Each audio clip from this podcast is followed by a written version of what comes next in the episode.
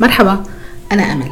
أهلا وسهلا فيكم في بودكاست اللعبة وحلقتنا الثامنة. اللعبة اليوم بين الخير والشر. الخير هو أصل الإنسان. الشر ما تبرمج عليه وكلنا يحمل هذا المزيج من الخير والشر ولكن بنسب متفاوتة. خلينا نصطلح على معنى الخير ومعنى الشر. الخير هو كل الفضائل التي تؤدي بك إلى الفلاح والنجاح. هي الطريق المستقيم. مثل الصدق الأمانة الاحترام العدل إلى آخره. أما الشر هو كل ما يؤدي بك إلى الألم والمعاناة وهو الطريق الطويل المليء بالعقبات والتعقيد. مثل الكذب الخيانة التكبر أكل أموال الناس بغير الحق الخوف الظلم العار الحقد الكره الانتقام الحكم على الناس وتبرمجت عليه من البيئة والمحيط. وصرت تسميه بأسامي ثانية مزح وجهة نظر نقد ابتلاء. خليني أذكر لكم هذا المثال. هذه امرأة فاضلة مصلية مسمية عندها ورد يومي طيبة رعية فزعة متزوجة ولديها أبناء وبنات. حتى الآن إحنا تمام وهذه المرأة تمثل الخير. لكن ابنها حتى الآن ما عنده وظيفة تخرج وجالس في البيت. وبناتها ما تزوجوا. عندها أمراض. شيء مزمن وشيء يجي ويروح.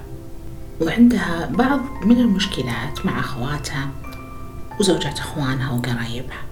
عندها سيطرة تامة وممنوع أحد يعارضها. تحب تصدر أحكام على الناس. هذه شينة هذه عصلة هذه طويلة هذه قصيرة. يا حظها عندها خادمة.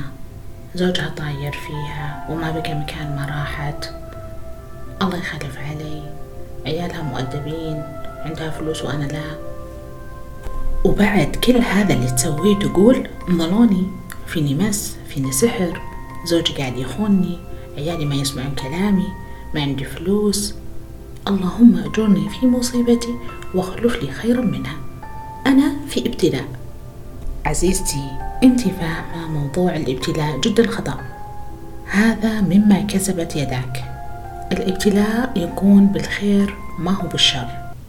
دورنا هنا نربي أنفسنا من جديد.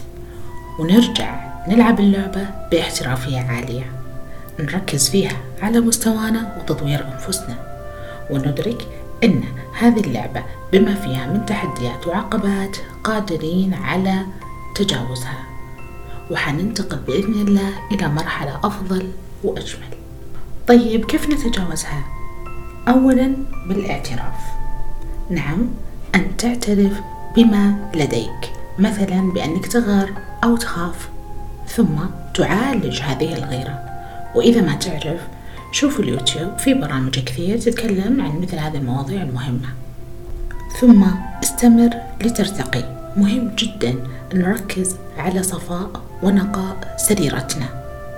حيظل الخير موجود وكذلك حيظل الشر موجود. أنت فقط من يختار الطريق المناسب له. وتذكر أن الجزاء من جنس العمل. دمتم بود